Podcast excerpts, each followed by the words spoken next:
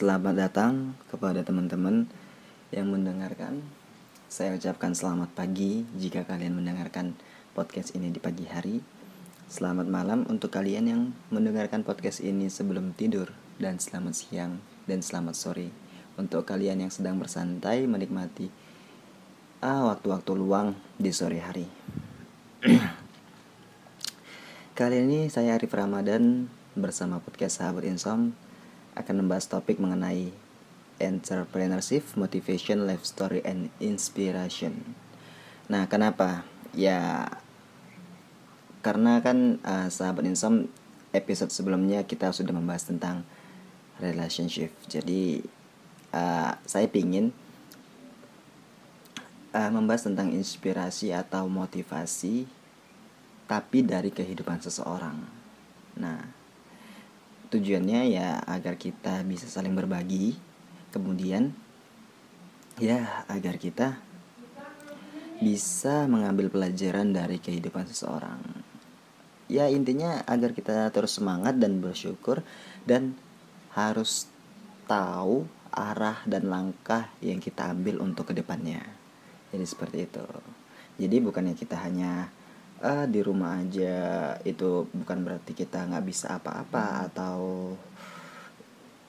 hanya rebahan. Ya mungkin dalam situasi di rumah aja kita juga bisa melakukan hal yang mungkin itu berguna atau hal yang bisa menghasilkan. Nah berbicara tentang motivation atau inspiration nah aku mau sedikit bercerita tentang kehidupan aku beberapa beberapa tahun yang lalu di mana dulu aku uh, saat itu kalau nggak salah duduk di bangku sekolah kelas 3 ya wait ya kelas sekitar kelas 3 SMK ya dulu aku mm, bersekolah jurusan otomotif di sekolah menengah kejuruan swasta di kota tempat tinggal uh, kota tempat aku tinggal. Nah nanti kapan-kapan aku akan berbicara tentang life storyku sendiri ya. Bagaimana aku bisa sampai di kehidupan yang saat ini.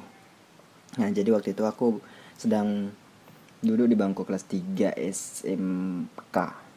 Nah kemudian aku iseng-iseng hmm, mencoba be, uh, berjualan beberapa produk gitu ya. Contohnya seperti waktu itu mesin musim-musimnya pomade tuh. Aku berjualan pomade kemudian uh, ini closing baju. Nah dan pengalaman aku di situ ya banyak cukup hmm, apa ya memberikan pelajaran bagi aku. Mulai dari ditipu sama partner sendiri kemudian cara penjualan yang kurang baik repeat order yang kurang baik gitu. Sehingga aku jatuh dan bangkrut. Modalnya nggak kelihatan.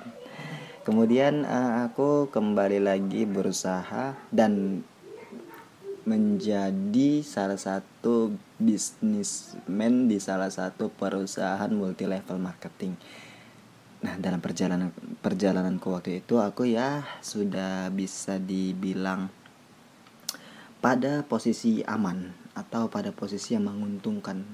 Tapi ada beberapa faktor yang membuat aku itu sehingga dapat terpuruk dan akhirnya jatuh kembali.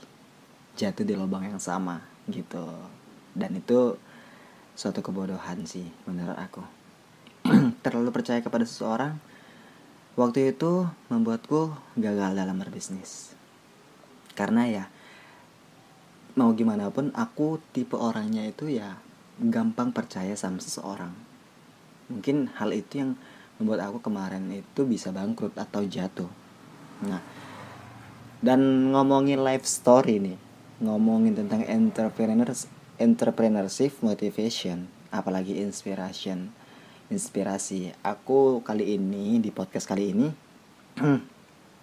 aku nggak sendirian nah kalau kalian pergi ke Medan atau kalian orang Medan uh, lebih tepatnya di Jalan Tuasan, Denai dan Tembung ya. Mungkin kalian ada orang sekitaran situ, ada yang tinggal di sekitaran situ. Pasti kalian sudah tidak familiar lagi dengan yang namanya gerai minuman Momo Cheese, iya enggak? ya ini adalah salah satu bisnis yang mungkin kali ini menjadi sorotanku. Kenapa? Ya karena beberapa bulan yang lalu bisnis ini mulai naik daun dan viral di uh, kalangan atau bisnis sejenisnya di tempat yang sama dan belum ada um, sekitar setengah tahunan atau enam bulanan Memutus ini sudah mem mem memiliki tiga cabang di kota Medan sendiri loh. Dan kali ini aku akan mengundang langsung owner dari Momocis untuk berbagi cerita, berbagi kisah, berbagi inspirasi kepada kita di podcast Sahabat Insom episode kali ini. Kita akan bongkar di balik Momocis. Oke.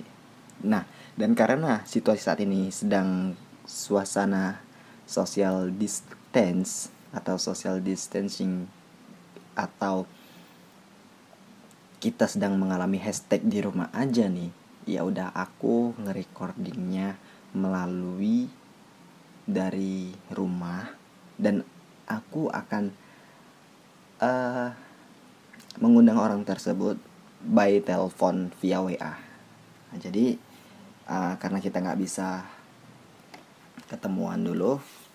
Ya dikarena, dikarenakan jarak yang memisahkan cukup jauh karena aku juga sekarang sedang di rumah ya di Rantau Prapat Labuan Batu dan beliau sedang di Medan. Jadi kita akan menelpon via WA dan coba uh, aku mau nelpon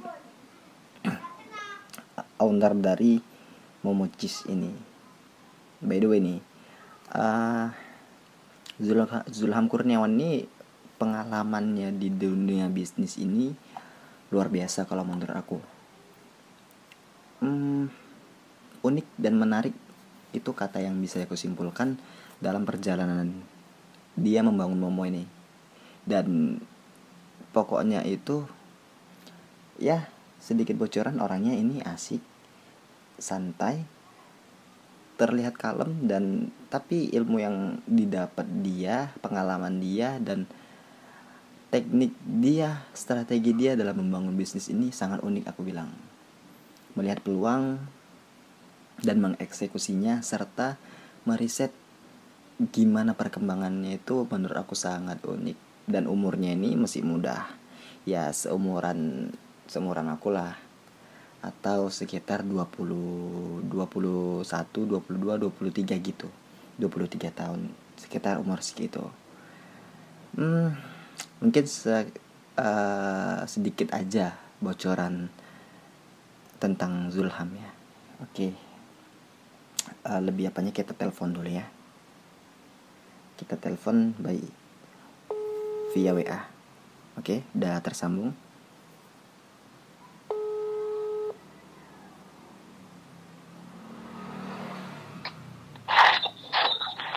Halo, assalamualaikum. Halo, assalamualaikum. Ah. Ah, di mana bang? Halo. Halo. Ya halo, di mana nih?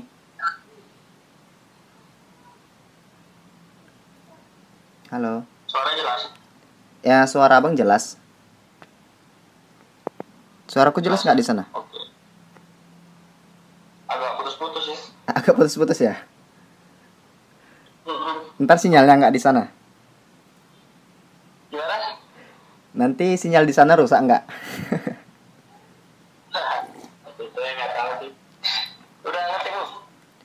Udah bu? udah nih kita lagi record nih. Oh ya. Iya. ah tadi kan aku kan udah ini udah udah sedikit edifikasi tentang kehidupan abang nih. ya. Ah, boleh nggak kenalan dulu sama teman-teman sahabat Insom yang mendengarkan podcast ini?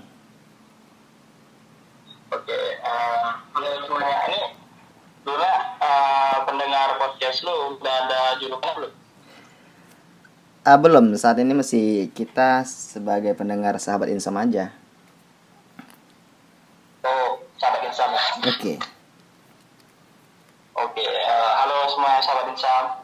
Oke. Eh, perkenalkan, nama aku Zulham Kurniawan, owner dari Momo Cisti. Eh, aku berasal dari Binjai dan sekarang ini masih kuliah, belum tamat. masih kuliah di di Universitas Islam Negeri Sumatera Utara, UINS. Statusnya masih kuliah ya, Bang ya? Iya, masih mahasiswa, nggak tahu sampai kapan. Oh, nggak tahu sampai kapan nih. Iya. Kalau untuk lebih detailnya semester berapa gitu? Sekarang ini masih ngejalan semester 4. Semester 4 ya? Iya. Oke. Karena kan kemarin pas cuti kan. Oh, Jadi ngulang-ulang terus kan. oh sempat cuti ya? iya. Makanya bilang nggak tahu sampai kapan ini.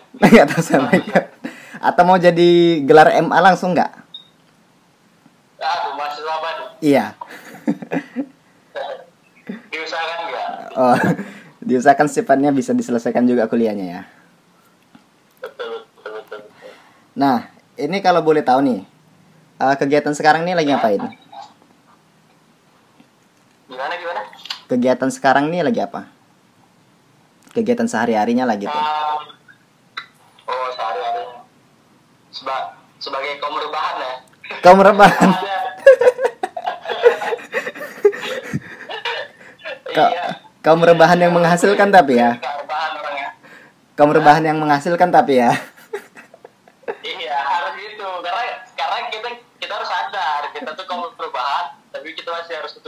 Kan gitu. Oh iya iya. Jadi karena jujur gue kalau perubahan malah suka melamun gitu malah jadi ada inspirasi dari perubahan serius. oh jadi tanpa disadari gara-gara rebahan itu dapat inspirasi terus action gitu, eksekusi. Iya.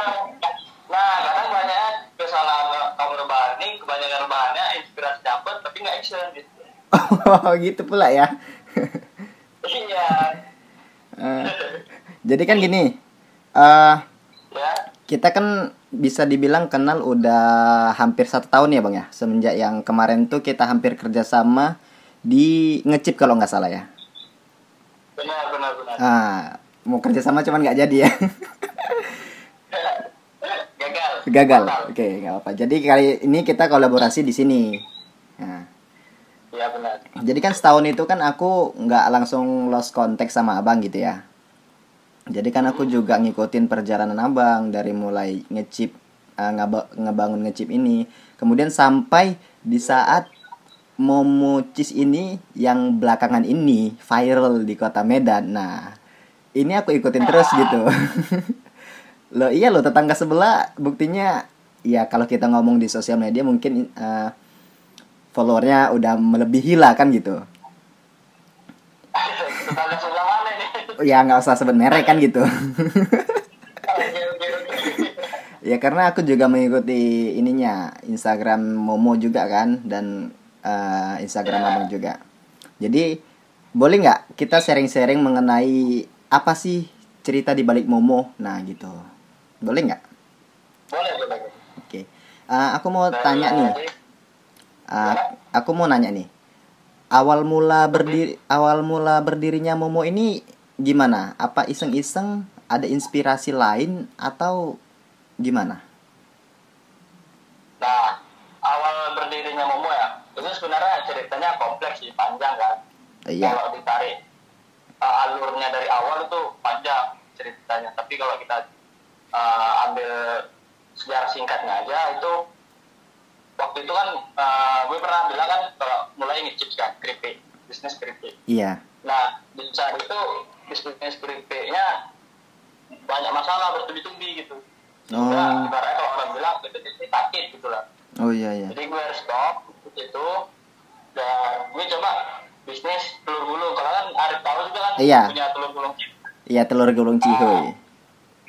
Dan telur gulung ciwi gue mulai dari situ. Setelah bisnis bangkrut dari ngecip nah itu belum ada nge-branding segala macam telur gulung cihuy karena memang modal seadanya habis bangkrut ya tau lah kan orang habis bangkrut gimana. Iya iya. Iya jadi jadi modal seadanya buat telur gulung. Itu kalau bisa bilang telur gulung itu kemarin modal bahkan seratus ribu doang. Seratus ribu? Nah iya serius itu karena pakai bootnya itu masih boot bekas punya teman uh, denda pinjam punya masjid. Nah itu Jadi, itu seriusan pakai seratus ribu. itu seriusan seratus ribu? Seratus ribu itu seratus ribu itu cuma beli saus beli telur beli minyak gitu doang. Nah kompornya ta- tapi tapi ya maaf mohon maaf nih. Kalau aku sendiri Iya, iya. kalau aku sendiri tuh nggak percaya kalau telur gulung cihuy itu bisa sampai seratus ribu loh modalnya.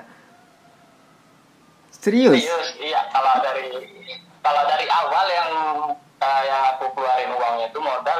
ribu karena yang seratus ribu itu cuma untuk dipakai cuma nempah banner nempah spanduk terus beli telurnya satu papan terus beli saus dan segala macamnya. Kalau yang lainnya itu pakai seadanya. Kita pakai tenda tapi punya tenda masjid karena kan kebetulan ibaratnya punya jabatan di di masjid itu kan. Oh. jadi enak kalau punya pinjam Jadi mema- memanfaatkan apa yang ada gitu ya? Pakai ah benar. Seratus ribu itu lah gokil. Jadi teman-teman eh, ini Bang Zulham ini selain punya eh, Momo yang viral ini beliau juga punya telur gulung cihuy yang udah masuk mall ya bang ya? Kalau nggak salah. Udah udah. Udah. masuk RCW sama Sudia Plaza Alhamdulillah. Nah kembali lagi ke cerita di balik Momo nih. Awal mulanya gimana tadi? Iya. Nah, kan tadi kan ketika mulai telur gulung, gue mikir posisi itu gue udah cuti, oke udah cuti kuliah. Nah, di situ langsung, ah, gue cuti harus benar-benar maksimal apa yang gue lakuin. Hmm, Gue harus belajar segala macam. Terakhir, gue list tuh siapa sih mentor yang bisa gue datengin nih? Karena kalau sebenarnya belajar kita biasa belajar dengerin video dengan Iya. dengerin podcast itu yang belajar kan Iya. atau ikuti workshopnya seminarnya tapi gue udah karena udah udah udah sering kayak kayak gitu. Gue mau mau yang lebih greget belajar Oh, karena gitu. Karena kalau misalnya kita belajar contohnya mohon maaf ya kita belajar di workshop gitu kan biasanya kita cuma dapat materi untuk langsung praktek yang lebih ekstrimnya nggak dapat kan gitu ya materinya tuh sesuai umum gitu. Jadi nggak Iya. sesuai spesifik masalah kita secara detail. Iya sih memang.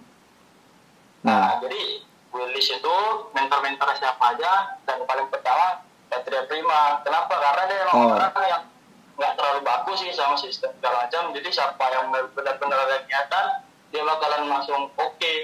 Oh Nah, pas gue DM itu gue DM langsung ke IG-nya Patria Prima Bang Patria itu langsung ngejawab respon gue jelasin nggak? Posisi gue sekarang itu gimana gimana gimana? Dan dia bilang oke kalau lu serius dia bilang kalau lu serius besok cabut dari Medan oh langsung ditantang ya?